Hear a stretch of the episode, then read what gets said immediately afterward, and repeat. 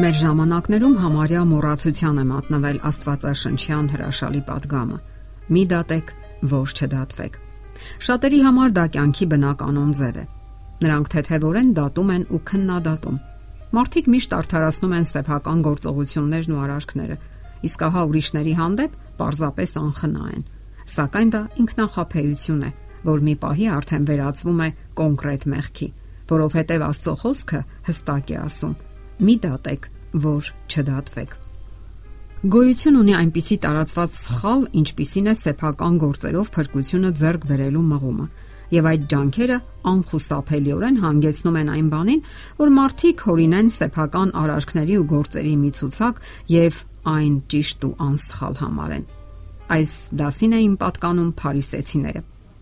Չնայած իրենց կրոնական ծառայությանը, նրանք չէին սովորում խոնարհվել եւ գիտակցել իրենց տկարությունը եւ ոչ էլ երախտապարտ լինել այն մեծ առավելությունների համար, որ Աստված շնորհել էր իրենց։ Պողոս Արաքյալը Կորինթացիներին ուղված իր ուղերձում ասում է. Ուրեմն ժամանակից առաջ մի դատեք, ինչև Տերը գա, որ խավարի ծածուկ բաները կբերի լույսի մեջ եւ սրտերի խորհուրդները կհայտնի։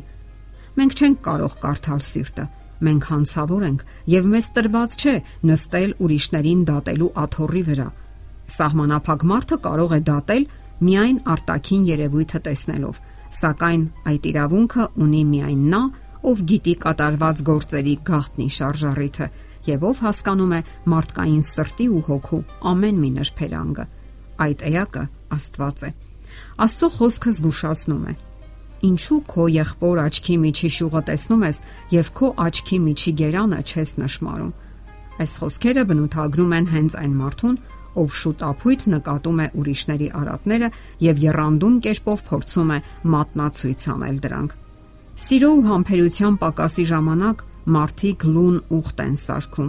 իսկ բնավորության միակ ճշմարիտ ճափանիշը Քրիստոսն է։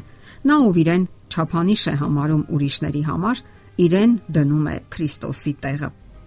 Ինչպես Հովանես Ավետարանիչն է ասում, քանի որ հայրը ամեն դատաստանը տվեց որդուն, ոչ ոք իրավունք չունի իրեն դնելու դատավորի կարգավիճակում եւ հետամուտ լինելու ուրիշների շարժառիթներին։ Այնինչ մարդիկ թեթևորեն դա անում են եւ բազմաթիվ անգամներ ապօրինաբար գրավում Աստծո որդու բացառիկ իրավունքը։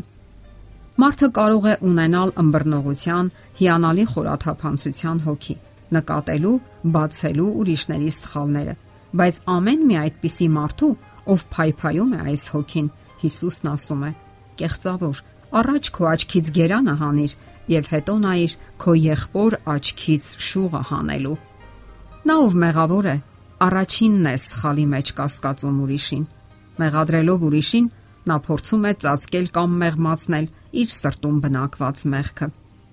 Մի դատեք նշանակում է ճանաչեք սեփական մեղքերը եւ սեփական բնավորությունը, ինչպես նաեւ մեղքի հանդեպ հակվածությունը, այլ ոչ թե կենտրոնացեք ուրիշների մեղքերի եւ ի վերջո ուրիշների կյանքի վրա։ Մենք չպետք է դատենք, որpիսի ինքներս չդատվենք նրա կողմից, ում հայացքից չի վրիպում ոչ մի արարք եւ նույնիսկ չնչին միտք։ Աստվածաշնչում կարդում ենք. Նրա համար առանց պատասխան տալու ես ով մարդ, ով էլ որ լինես, որ դատում ես, որովհետև ինչ որ ուրիշներին դատում ես, քեզ ես դատապարտում, որ դու նույնն ես գործում։ Դատելու մեջ նաև բռնություն կա, իսկ Քրիստոսը մարդկանց չի բռնանում, այլ ձգում է դեպի իրեն։ Միակ հարկադրումը, որ նա կարող է կիրառել, սիրո ազդեցությունն է։ Սակայն երկրային պատմության ընթացքում եկեղեցին միշտ էլ փնտրել է աշխարհիկ իշխանության պաշտպանությունը եւ ստանձնել դատավորի դերը։ Նա դատել ու քննադատել է մարդկանց, իսկ արդյունքում կորցրել է Քրիստոսի զորությունը, Աստվածային սիրո ազդեցությունը։ Անօքուտ է կառուցել բնավորություն ինքնաարթարացման վրա։ Մեզ բոլորիս ավելի շուտ սրտի վերափոխում է անհրաժեշտ Ուրիշներին վերափոխող ազդեցություն մենք չենք ունենա, ինչև մեր սրտերը Քրիստոսի շնորհիվ զգայուն ու խոնար չդառնան։ Այն ժամանակ, երբ այս փոփոխությունները կկատարվեն մեր մեջ, մենք կապրենք ուրիշներին երջանկացնելու համար։ Ընտրելով քրիստոնեությունը որպես կյանքի ուղեցույց եւ Քրիստոսին որպես մեր կյանքի նավապետ ու փրկիչ, մենք ընտրություն ենք կատարում դեպի վերափոխված կյանքը, որpիսի այն պտուղներ բերի եւ ցույց տա մարդկանց, որ Քրիստոսն է վերափոխում մեր կյանքը, որ ամեն օր հետևելով Քրիստոսին մենք պտուղներ ենք բերում եւ այլ կերպ չի էլ կարող լինել, որովհետեւ այդ նա է այդ գործը կատարում մեր միջոցով։ Քրիստոնեական պտուղները եւ կենսակերպը մեր կյանքում հայտնվում են այն ժամանակ, երբ մենք անշեղորեն հետևում ենք Հիսուսին։ Հակառակ դեպքում մեր պտուղները անկենթան են, կեղծ եւ արհեստական։ Կյանքը արագ է ցույց տալիս այդ խափեությունը։ Աստվածաշնչում կարդում ենք. Նա որ ինձանում մնում է եւ ես նրանում, նա շատ պտուղ է բերում։ Իսկ այդպիսին եք դուք ձեր կյանքում։ Արդյոք դուք այդպիսի պտուղներ եք բերում։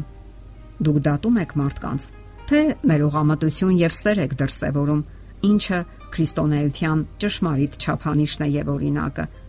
Մեզ շատ բան կարող է սովորեցնել Աստվածաշնչյան հետեւյալ պատմությունը։ Մի անգամ Հիսուսը եւ իր աշակերտները Երուսաղեմի ճանապարհին թզի ծառ են տեսնում։ Նրանք բավականին երկար ճանապարհ էին անցել եւ քաղցել էին։ Ծառը հերվից շատ գրավիչ էր թվում եւ պտուղներով լի։ Երբ աշակերտները եւ Հիսուսը մտեցան, նրանք հիասթափվեցին։ Ծառի վրա ոչ մի պտուղ չկար։ Նրանք հույս ունեին, որ կարող են հագեցնել իրենց քաղցը, եւ հատկանշական է այս պատմության ավարտը։ Հիսուսը հասկացավ, որ ծառը հիմնավորապես անպետք է եւ այլևս չի կարող պտուղ բերել։ Նա անիծեց ծառին եւ այն չորացավ։ Այսօր այս պատմությունը շատերին է զարմացնում։ Ինչու Հիսուսը անիծեց ծառին եւ այն չորացավ։